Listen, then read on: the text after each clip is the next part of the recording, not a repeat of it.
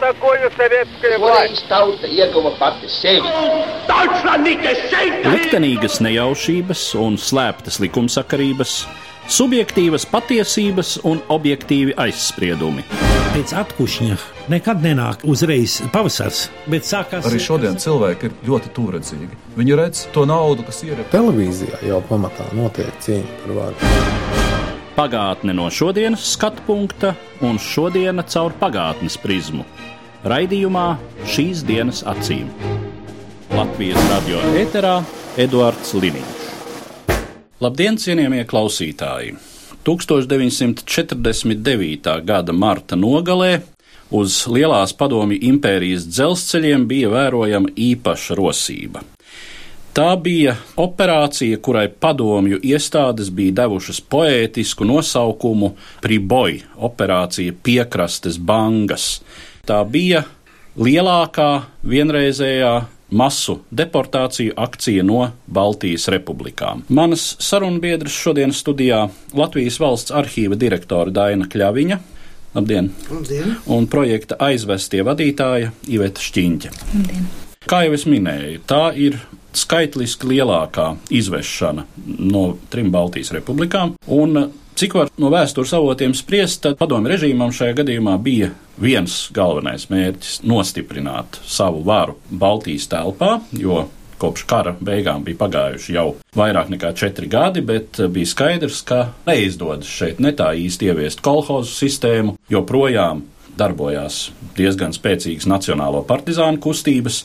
Tātad tie konkrētie mērķi bija no šejienes dabūt projām tos, kuri atbalsta nacionālos partizānus pirmkārt, un tajā pašā laikā ir arī galvenie pretinieki jaunieviešamajai kolhozu sistēmai. Un izvešana notika veselām ģimenēm. Ja mēs paskatāmies uz statistikas datiem, tad ir acīm redzami, ka Latvija cieš visvairāk. Kopējais skaits apmēram 90 tūkstoši, vairāk nekā 40 tūkstoši ir latviešu. Skaidrojums ir tāds, ka 1949. gada 29. janvārī PSRS ministru padomu pieņēma šo lēmumu par kulaku ģimeņu un arī tā saucamo nacionālistu ģimeņu izsūtīšanu no visām trīs Baltijas valstīm. Bet lieta ir tāda, ka lietuvieši jau bija visai smagi jau izsūtīti 48. gadā. No Latvijas izsūtīja 13,283 ģimenes. Kopskaitā 42,125 cilvēki, bet tie cilvēki, kas jau ir iegādājušies mūsu grāmatu, uz grāmatas vāka aizmugurē ir redz citu skaitli - 44,271. Ceļā pirmajā izsūtīšanas gadā mātēm, kuras jau šos bērniņus gaidīja, piedzima vēl 211 bērni, mēs uzskatījām, ka arī viņi visi ir jāieliek grāmatā un arī jāpieskaita deportēto skaitam.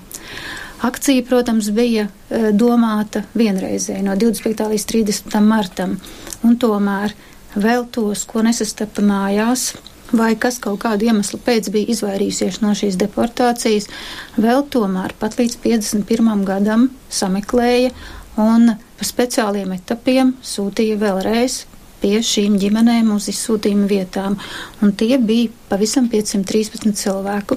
Arī šos mēs iekļāvām grāmatā, un vēl trešā grupa, kuri netika izsūtīti no 25. līdz 30. martam, bet tie bija tie ģimenes locekļi, kas jau iepriekš bija arestēti un kuru dēļ tika izsūtītas ģimenes, un viņi atradās soda vietās. Taču, izciešot sodu, viņiem neļāva vēl atgriezties Latvijā, bet nosūtīja spēcnometinājumā pie ģimenēm. Tātad viņi nav šīs 25. mārta akcijas rezultāts, un tomēr grāmatā viņi ir ievietoti, jo pavada noteiktu laika periodu izsūtījumā pie ģimenēm un atgriežas tikai kopā ar ģimenēm. Šī bija ģimeņu izsūtīšana. Lielākoties, vairāk kā 55% tie bija darba spējīgie. 16 līdz 60 gadiem. Atšķirībā no 41. gada, 49. gada deportācija, gala mērķis nebija viņus vienkārši atstāt kaut kur klajā laukā, lai kurš nu izdzīvo. Šajā gadījumā tas bija arī darba spēks te paputējušiem Sibīrijas kolhoziem. Te varētu piebilst, ka patiešām tā ir plašāka, visaptveroša tendence Staļina režīmam tieši pēckara periodā, mm -hmm. kad Padomju Savienība bija stipri izpostīta un arī zaudējusi lielus cilvēku resursus ka notika tieši šāda darba spēka pārvietošana. Tika pārvietoti uz Padomju Savienības iekšējiem novadiem piemēram, vācieši no Rumānijas vai uh, vācieši no Ungārijas. Mēs ņēmām arī datu bāzē, skatījāmies katra cilvēka nodarbošanās. Jāņem gan vērā, ka precīzi varbūt tās anketas nevar aizpildīt, tāpēc, ka lietās bija neprecīzi dati. Un tomēr jau tā no mūsu datiem iznāca, ka vairāk kā 27 tūkstoši bija zemnieki. Tas nozīmē, ja mēs vēl atskaitām šos bērniņus, ja līdz 16 gadiem, ka patiešām lielākā daļa tie bija lauku iedzīvotāji, un to parāda arī mūsu datu bāzes dati par pilsētu un lauku iedzīvotājiem. Ja kopumā no Latvijas izsūta 2,2% iedzīvotāju, tad pilsētu iedzīvotāji parasti 0, Tātad mēs redzam, ka tā bija lauku iedzīvotāju zemnieku izsūtīšana. Šī politika jau bija Padomu Savienībā ļoti labi izstrādāta. Jūs jau minējāt par šo cilvēku pārvietošanu. Salīdzinoši grūti ir šodien pateikt, kāpēc notika tāda cilvēku pārvietošana, kā piemēram no tā paša Altai novada uz Omskas, Tomskas apgabaliem vai vēl drusku tālāk uz ziemeļiem. Būtībā arī tur tika pārvietoti turīgie zemnieki strādīgākā cilvēka daļa, un acīm redzot, tā politika bija tāda, ka, lūk, arī viņi nebija īpaši vēlami gan no politiskā aspekta šai varai, gan arī varbūt tīri no saimnieciskā viedokļa, ja mēģināja pārvietot uz reģioniem, kur tiešām vai nu viņi vēl nebija apgūti, vai bija tas darba spēks ārkārtīgi vājš. Iepazīstoties ar Krievijas arhīvu materiāliem, mēs redzējām, ka principā šī politika bija skaidri definēta jau tā laika rīkojuma dokumentos, kurus saņēma Sibīrijas apgabalu vadība. Tā uh, lieta jau bija sagatavota, un par šo akciju zināja patiesībā sakot jau 49. gada sākumā jau attiecīgās varas struktūras. Runājot par šo cilvēku likteni, pirmais, ko mēs jau secinājām, mērķis nebija iznīcināt. Mērķis bija izmantot. Bet kā tas izpaudās praktiski? Pirmkārt, kas notika ar ģimenēm? Vai ģimenēm bija ļauts palikt kopā, ja teiksim, vīrieši tika kaut kur šķirot atsevišķi? No Latvijas 30. marta attiek pēdējais ešalons, 33 ešalonos mūsu Latvijas iedzīvotāji tiek vest uz Sibīriju. Tur februārī jau ir sadalīts, kuros kolhozos, kurš rajons, cik ģimenes jau ņem. Ap 7. aprīli pirmie ešaloni ierodas Omskā, tur paliek jau lielākais iedzīvotāju skaits. Nākošie ešaloni turpina ceļu uz Tomsku un visbeidzot pēdējie četru zamūru. Ģimene ir kopā. Tad ir tas nākošais posms, ģimenes izkāp laukā no ešaloniem, ir gatavi rajoni saņemt, pat gribētu uzteikt kā tādā vergu tirgu. Piebrauc pajūgi, vai arī tās ir baržas, ja tas ir pa upēm, un atkal paņem noteikto ģimeņu skaitu. Mēs jau paši strādādams Tomskā, Omskā redzējām, ka februārī jau visiem ir jābūt gatavībā, ka ir jāzina, cik ģimenes uzņems, jāsagādā dzīvē nepieciešamies, lai cilvēki var uzcelt mājas vai ne, bet tas ir savā ziņā kurios, jo tur pasūta no Maskavas naudas līdzekļus stiklam, naglām. Mēs lasījām šos dokumentus, te pašā laikā ierodas latvieši, nav ne stiklu, ne naglu, mājas nav uzceltas, izmitina. Tieši precīzi, precīzi, kolhos priekšādēsies, kas visu ir izsaimniekojis, lai paslēptos no soda, aiziet armijā, un mūsu nabaga latvieši tādā gadījumā izmitina pie tiem pašiem vietējiem iedzīvotājiem. Bieži vien iedala atsevišķām pat izsūtīto ģimenēm, četrām ģimenēm sākotnēji nelielu istabiņu. Pēc tam ar laiku, protams, situācija mainās, latvieši strādīgi tauti iekop savu lauciņu, iekop savu mājiņu un uh, dzīve mazliet izmainās. Bet pirmais gads mūsu izsūtīto ģimenēm ir visai grūts. To mēs redzam arī pēc mūsu statistikas, ka salīdzinoši lielāka ir mirstība. Izsūtītie ierodas aprīlī, vai pat pašā māja sākumā. Tur ir kolhoz sistēma. Katram ir jāizstrādā noteiktas izstrādes dienas, bet cilvēki ir ieradušies maijā, kamēr iekārtojas nepaspēja izstrādāt izstrādes dienas.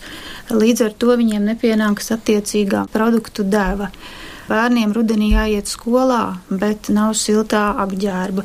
Tās nav, teiksim, mūsu vienkārši saklausītās emocijas. To mēs arī redzējām Tomskas, Omskas apgabala arhīvos parādās rajona izpildkomiteju, uz apriņķu izpildkomiteju ziņojumi, ka izsūtītajiem nepietiek apģērba, nepietiek pārtikas, lai izdzīvotu. No tās informācijas, ko mēs ieguvām no dokumentiem, dīvaina bija šī varas izpratne par darba spēku izmantošanu. Augstākās varas lēmumu paredzēja sagatavot šo vidi, kur viņiem apmesties, bet, nu, zinot padomu sistēmu, skaidrs, ka lielākajā daļā līdzekļi bija iztērēti. Un tāpat laikā interesanti, ka mēs redzējām arī dokumentus, kas stipri vien ierobežoja un liedza pašiem izsūtītajiem kaut ko darīt, jo viss bija centralizēti. Ja mēs paskatāmies, kādas dabas bagātības turpat blakus tāigi, kur nevajadzētu būt problēmām ne ar koku materiālu, ne ar kurināmo. Tas viss tiek centralizēti no augšas sadalīts, kaut kur tiek gatavots, un nevis tie cilvēki paši to var izdarīt, bet viņiem pat neatļauj. Arī zemes gabali, kurus varēja tur iedalīt, es nezinu, hektāriem, arī tie bija ļoti mazi un ierobežoti to, ko viņi paši drīkstēja apsēt vai kaut ko sev audzēt. Nu, tiešām tā dīvaina tā politika ir grūti to mums šodien pat tā īsti uztvert. Vēl visi šie izsūtītie cilvēki, viņiem bija jāstājas spēckomendantūras uzskaitē. Tā tad ir noteikta teritorija, kuru viņiem divreiz mēnesī ir jāatzīmējas un, un nedrīkst šo teritoriju atstāt. Bet arī vienā no ziņojumiem bija situācija, ka bieži vien rēķinveži, grāmatveži ir šie paši izsūtītie cilvēki, un nereti arī pat kolhozu priekšsādātāji, ne tikai izsūtītie latvieši, bet arī jau iepriekšējos gados tie, kas ir izsūtīti vispār padomu savienības ietveros. Un tagad uz apgabalu centru jāved ir atskaites, un izrādās, ka, nu, nav kas vadi, jo ļoti daudz ir no šiem ir paši izsūtītie, ka viņiem vispirms ir jādabūs pēc komendanta atļauja, un tikai tad viņi var tur ierasties. Tā kā pat tādi kuriozi. Jūs teicāt, rudenī bērniem jāiet skolā. Šis aspekts arī tā, protams, ir Krievu skola. Jā, Jā. protams. Latviešu skolas tur viņiem nedibināja. Par to traģiskāko aspektu visā šai norisē, kas ir neizbēgami cilvēku bojāja ceļā vai uz vietas nepiemērot apstākļu dēļ, salīdzinoši ar citām staļinismu veiktajām akcijām, laikam pati zvērīgākā ir um, čečenu izsūtīšana 44. gadā. Ir pat dzirdēti skaitļi līdz 50% šajā visas tautas izvešanā bojā gājušo salīdzinoši mm, latviešiem un baltiešiem šajā akcijā laikam, ja tā var teikt, veicās labāk. Jā, Protams, ir skumji par katru cilvēku, bet nu, par 49. gada deportāciju mēs varam priecāties par to, ka ģimene bija kopā, Arī mērķis šai izsūtīšanai bija darba spēks, līdz ar to ešalonu priekšnieki, kas saņēma katru šos izsūtītos cilvēkus, viņiem bija arī viņi jānogādā galā un bija arī jāveic statistika. Tātad gan iesēdinot cilvēkus ešalonā, gan arī nododot gala stacijās, mums arhīvā glabājas katra ešalona priekšnieka ziņojums, kā viņš ir ešalonu nogādājis, ir arī akti par mirušajiem ceļā. Ceļā uz izsūtījumu vietām ir miruši 229 cilvēki.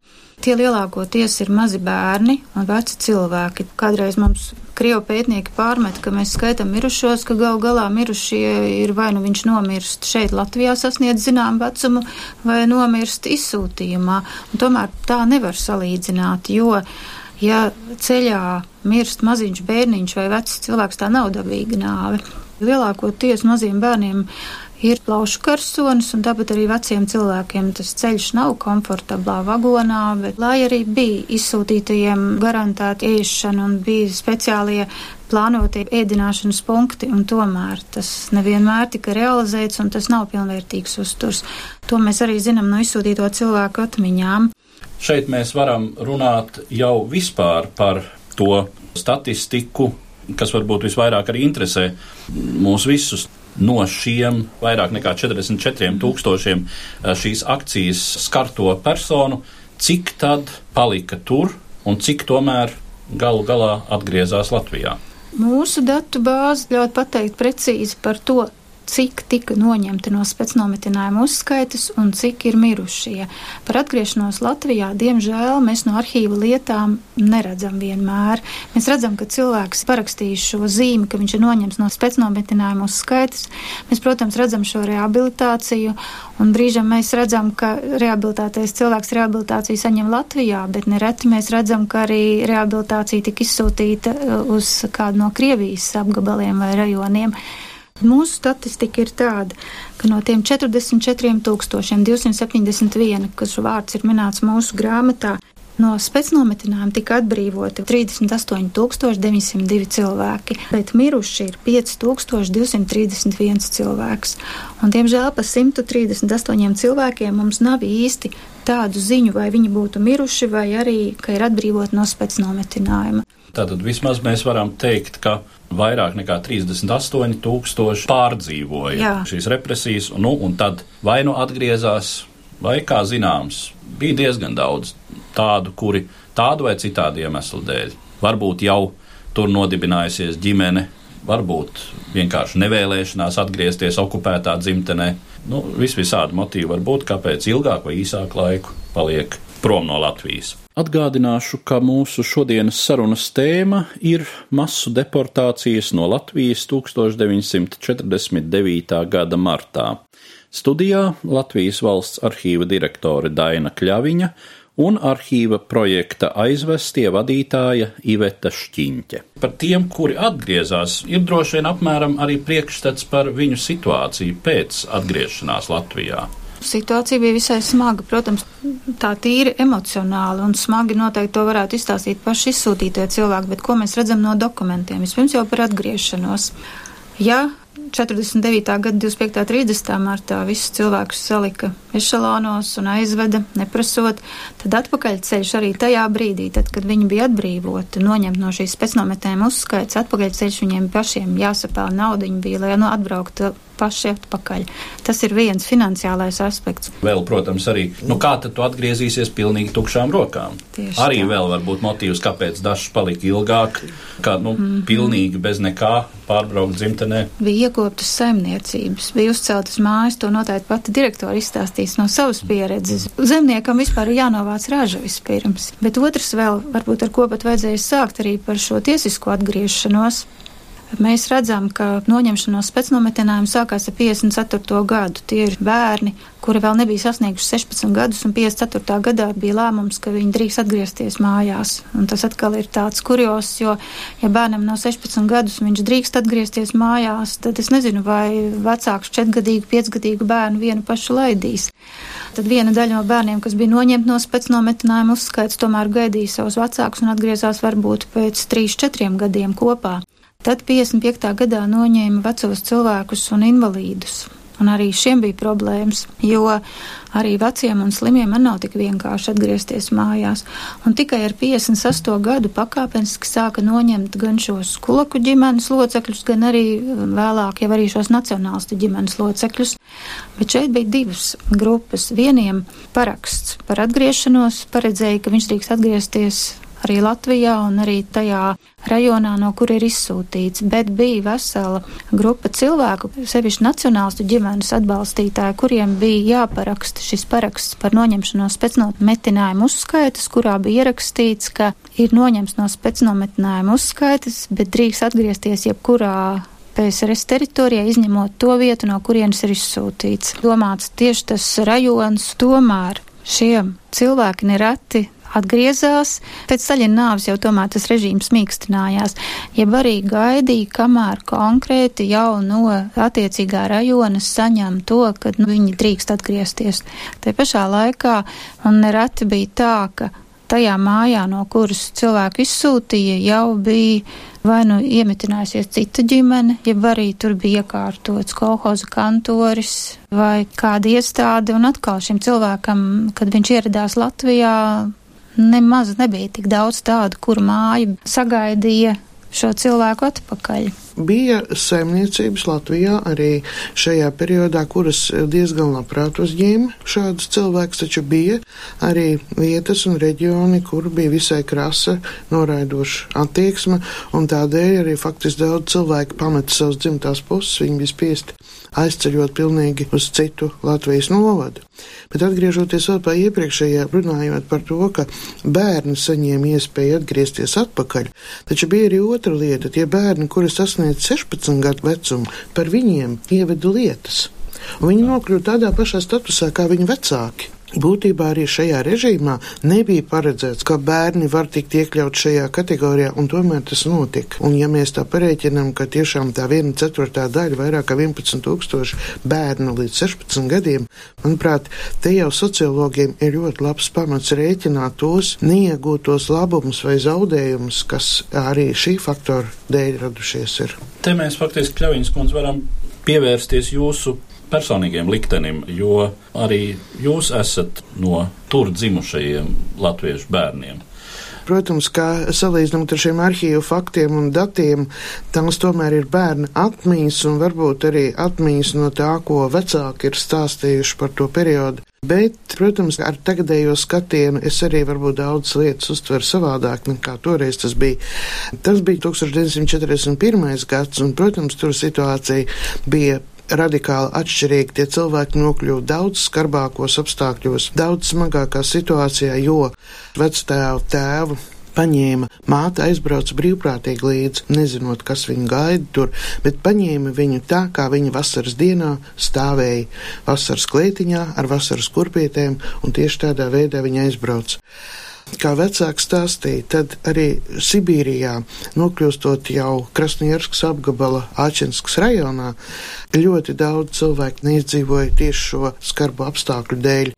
Un jāsaka, ka arī vietējo cilvēku attieksme bija ļoti dažāda. Viena daļa latviešu, kas nokļuva Ačenskas rajona Birjozovkas ciemā, izdzīvoja pateicoties tatāriem, jo taigā bija izveidota tatāru ciemi, kas bija diezgan noslēgtas teritorijas un kurā visai maz arī vietējie cilvēki iegriezās. Un šie cilvēki bija tie, kas patiesībā sakot gan apģērba, gan ar pārtiku palīdzēja, un pateicoties viņiem faktiski arī man ģimene ir izdzīvojusi. Pirmais gads ir bijis ļoti, ļoti smags, un tāpat laikā, nu, kā jau visi latvieši, arī šie cilvēki pielāgojās šai videi no tā sāģis, kurā mēs dzīvojam, patiesībā sakot, tur bija bija kā pie Bābeles. Tur bija latvieši, lietuvieši, igauņi, somi, poļi, vācieši. Faktiski šajās Sibīrijas sāģās nebija neviena iedzimtā. Arī tie krievi, kas tur bija, tie arī ir 20. 30. gados, vēlākajos periodos pārvietotie. Lielākā daļa šo cilvēku bija pietiekami saprotoši, taču bija arī daudz precedentu, kur mēs skatījāmies no dokumentiem, kur visai neganti šie kolhos priekšsēdētāji bija. Tas stereotips, kas kara laikā bija iedzīts, tas diezgan dzīves bija arī tur. Nu, Fašistus jā, tieši tā, tieši tā. Un no tā arī izrietoši viss tā attieksme bija. Protams, vara darīja savu, un neparvelti mēs jau savā darbā šo secinājumu arī varējām izdarīt, ka šī deportācija tā bija ļoti specifiska politisko represiju forma. Un tā Krievijā jau bija izstrādāta metode sākot būtībā jau ar 20. gadiem. Tā jau bija arī tāda ja mēs tā lielās vēstures dimensijās skatāmies, tāda aizmirsta, pat pirms viduslaiku prakse, šāda tautu pārvietošana, kuru Staļina režīms. Domāju, izkopa ļoti. Jā. Jā, ļoti izkopa šo metodi. Mēs pa ceļiem skatoties, meklējot materiālus par latviešiem, nu tā garām ejot redzējām, kā bija ārkārtīgi daudz tautu, tautību. Grūti man pateikt, vai bija kāda šajā teritorijā dzīvojoša tautība, kur vai visa vai daļēji netika pārvietot. Manuprāt, ir ļoti grūti tādu atrast. Tā bija izstrādāta metode vienkārši mainīt šo cilvēku dzīves vietu, izcelt viņus vai izņemt no tās vietas, kur dzīvo, lai šī politika varētu nostabilizēties, lai jaucot šos cilvēkus, nerastos šī vienotība, nerastos iespēja pretoties tam. Lai gan tā pretestība, kā mēs redzējām, bija arī šajā izsūtījuma laikā, un daudz cilvēki tika tiesāti vēlreiz par to, ka bija izrādījuši pretestību šim režīmam. Tur uz vietas esot. Jā, un kā jau jūs teicāt, varbūt tika sarautas nāciju saites, bet tur uz vietas veidojās savukārt likteņu kopības saites. Starp, jā, tieši tā. Starp tā izsūtītām bija, desmit vai divdesmit tautībām. Mm -hmm. Un kā pareizi Iveta piezīmē, ka daudz latviešu bija kolhoz priekšsēdētāji, un otra tautība, ko mēs vairāk tā kā vismaz tos dokumentus, ko redzējām, bija vācieši ka beidzās karš, tad jau ir, protams, tie dzīves apstākļi nedaudz mainījās. Ģimenes, kuras nebija izšķirtas, uzcēla savus mājas, un arī mani vecāki uzcēla savu māju. Un, protams, tas nāca ļoti smagi, jo tēvs bija nodarbināts uz lauku, un faktiski māte viena pati vilka no meža baļķus 50 km attālumā. Viņai jāsavelk dēļi, materiāli jāsagādā. Patiesībā sakot, tikpat kā rokām tas viss tika darīts. Nu, neraugoties uz visu, arī māja iekopta, dārs. Un tad šis atgriešanās moments, tas ir ārkārtīgi interesants, jo mani vecāki ar saņēma atļauju 56. gada augustā atgriezties, bet faktiski mēs atgriezāmies 56. gada decembra beigās tieši uz Ziemassvētkiem. Un arī es tā pēc gadiem jautāju, kāpēc mēs tur pusgada gandrīz vēl esam dzīvojuši. Nu jā, viņi teica, mēs arī nevarējām. Pirmā ābolu raža mums bija, visas āģis skatījās, ka mūsu dārzā izauga nu, tādas speciāls pundurābelītes bija, jo tādu lietu arī tur nebija redzējuši. Tie āboli bija kaut kāda eksotika. Kamēr novāc to, kamēr māju pārdeva, kamēr vienojās ar sarakstu ar Latviju, kur paliks, kā paliks. Cik gadu jums bija atgriešanās? Man bija seši gadi, bet lai cik tas dīvaini nebūtu, man ir ļoti daudz ļoti skaidrs epizodes un atmiņas, un man brālis ir astoņu gadu vecāks par mani, un dīvaini viņam tās atmiņas ir savādākas, un tās lietas, detalizētās lietas, ko es atceros, viņš pat neatcerās. Es pat atceros, kāda iela, ja man šodien noliek uz tās ielas, es noteikti savu māju atrastu, ja viņa vēl tur būtu, protams. Nav bijis vēlēšanās aizbraukt un paskatīties. Nu, ir, protams, pagājušā gadā mūsu kolēģis brauc uz Krasnojārskas apgabala arhīvu. Tā doma bija, ka es arī varētu braukt, bet, nu, diemžēl, darba lietas neatļāva man aizbraukt. Bet arī Omskā, Tomskā esot, un mēs no Omskas uz Tomsku tūkstots kilometru nobraucām ar vilcienu. Tad, vērojot pa logu šo Krievijas sāģu ainu, es saprotu, ka tie daudzie gadi neko nav mainījuši tur tajā būtībā. Pilsētas, protams, ir mainījušās un modernas un diezgan sakoptas, bet, nu, lauka ainava ir, manuprāt, tāda pati, kā bija toreiz. Vēl tāda noslēgumā, kamēr mēs arhīvā gaidījām dokumentus pasūtot, man bija iespēja papētīt Omskas arhīvā, bija tāds ļoti viens interesants izdevums, ko Omskas arhīvs un bibliotekas un universitāte bija sagatavojuši informatīvu bukletiņu par ieceļošanu Sibīrijā. Un tur tā diezgan detalizēti dažādos laika periodos bija viss tā piefiksēts, un viena interesanta lieta, tas bija ceru laikos jau. Un tad bija interesanti, kā ārkārtīgi labi tajā laikā vietējā viņu presa atsaucās, ka lūk, mums ir jauna ieceļotāja grupa, latvieši, un ka ir ārkārtīgi Sibīrijai paveicies, ka šāda grupa ir ieceļojusi, jo viņi ļoti strādīgi, ļoti atbildīgi ir, un ka tas ir tikai par labu Sibīrijas attīstībai. Un tagad, jau pēc pietiekam liela laika perioda, kad mēs skatījāmies atkal, tur bija tāda sabiedrības noskaņojuma pētīšana arī notika, un partijas komitejām bija tāda ziņojuma jāraksta regulāri, kāds ir tas izsūtīto noskaņojums. Un tad tur arī mēs bieži atrodam, ka tieši tie partijas darbinieki vai vietējo kolhozu vadītāji rakstot arī par latviešiem, diezgan bieži bija tā atsauksme, ka ļoti labi latvieši tiešām kārtīgi, strādīgi, uzcītīgi un tā tālāk. Tomēr ir paralēls velkams, un laikam latvietis jau ir pēc savas dabas tāds, ka viņš nepazudīs, ja tikai viņam ir kaut mazākās iespējas kaut ko darīt lietas labad. Paši izsūtīties stāst, ka, viņi gribējuši atgriezties mājās, tad viņiem teiks, nu kāpēc jūs negribat te palikt? Mēs te visu ļausim jums darboties un palieciet. Un tas arī apstiprinājās Tomskas Jā. un Omskas arhīvu dokumentos. Jā, tā bija arī manam tēvam. Viņam bija ļoti tehniska domāšana. Viņam piedāvāja ārkārtīgi labu amatu Sačinskas rajona galvenais inženieris. Un tad viņam solīja, ka viņa bērni varēs apmeklēt labākās Krievijas augstskolas. Centās pierunāt, tiešām centās, bet lielākā daļa latviešu tomēr atgriezās. Tuvinot mūsu sarunu noslēgumam, es gribētu uzsvērt jūsu teiktajā, ka tiešām šie cilvēki pierādīja savu gribu izturēt, izdzīvot un uh, tikt tam visam pāri un savu varēšanu. Un, uh, tādā ziņā man šķiet arī ļoti zīmīgi tas, kas izskanēja uzrunās piemiņas brīdī pie brīvības pieminekļa 25. martā, proti ka tās mūsu šodienas likstas un ķibeles, ar kurām mēs nokaujamies, tās tomēr ir salīdzinoši tik mazas un nenozīmīgas pret to likteņu traģiku, ar ko šiem cilvēkiem bija jāsastopās. Un tomēr viņi izturēja, un tomēr viņi tika tam pāri. Mums būtu kauns pārmest liktenim, jo nu galu galā mēs tomēr savu likteni lielās līnijās varam paši lemt un spriest. Jā, es varētu piekrist tiešām, ka tas tā ir. Tas liktenis, ko piedzīvoja cilvēki, kuri tika deportēti, protams, bija ļoti drausmīgs, jo viņam bija atņemts viss. Šodien ir ļoti daudz, kas pašu cilvēku rokās, bet varbūt arī laiks, ko mēs esam pavadījuši padomju varas ietekmē, ir arī atstājis pietiekami lielu iespaidu. Varbūt cilvēki nav tik uzņēmīgi, nav tik izturīgi un nav šīs vēlmes izdzīvot. Varbūt, ka šī krīze arī mācīs kaut ko, kā tomēr izdzīvot. Un katram cilvēkam jāstāda savs mērķis, ko tu gribi sasniegt vai kā tu to izdarīsi. Ar to tad es arī noslēdzu mūsu šodienas sarunu, kas bija veltīta masu deportācijām no Latvijas 1949. gadā, un saku paldies Latvijas valsts arhīva direktorei Dainai Kļaviņai un projekta aizvestie vadītājai Ivetai Šķiņķei. Paldies! Mēs jums!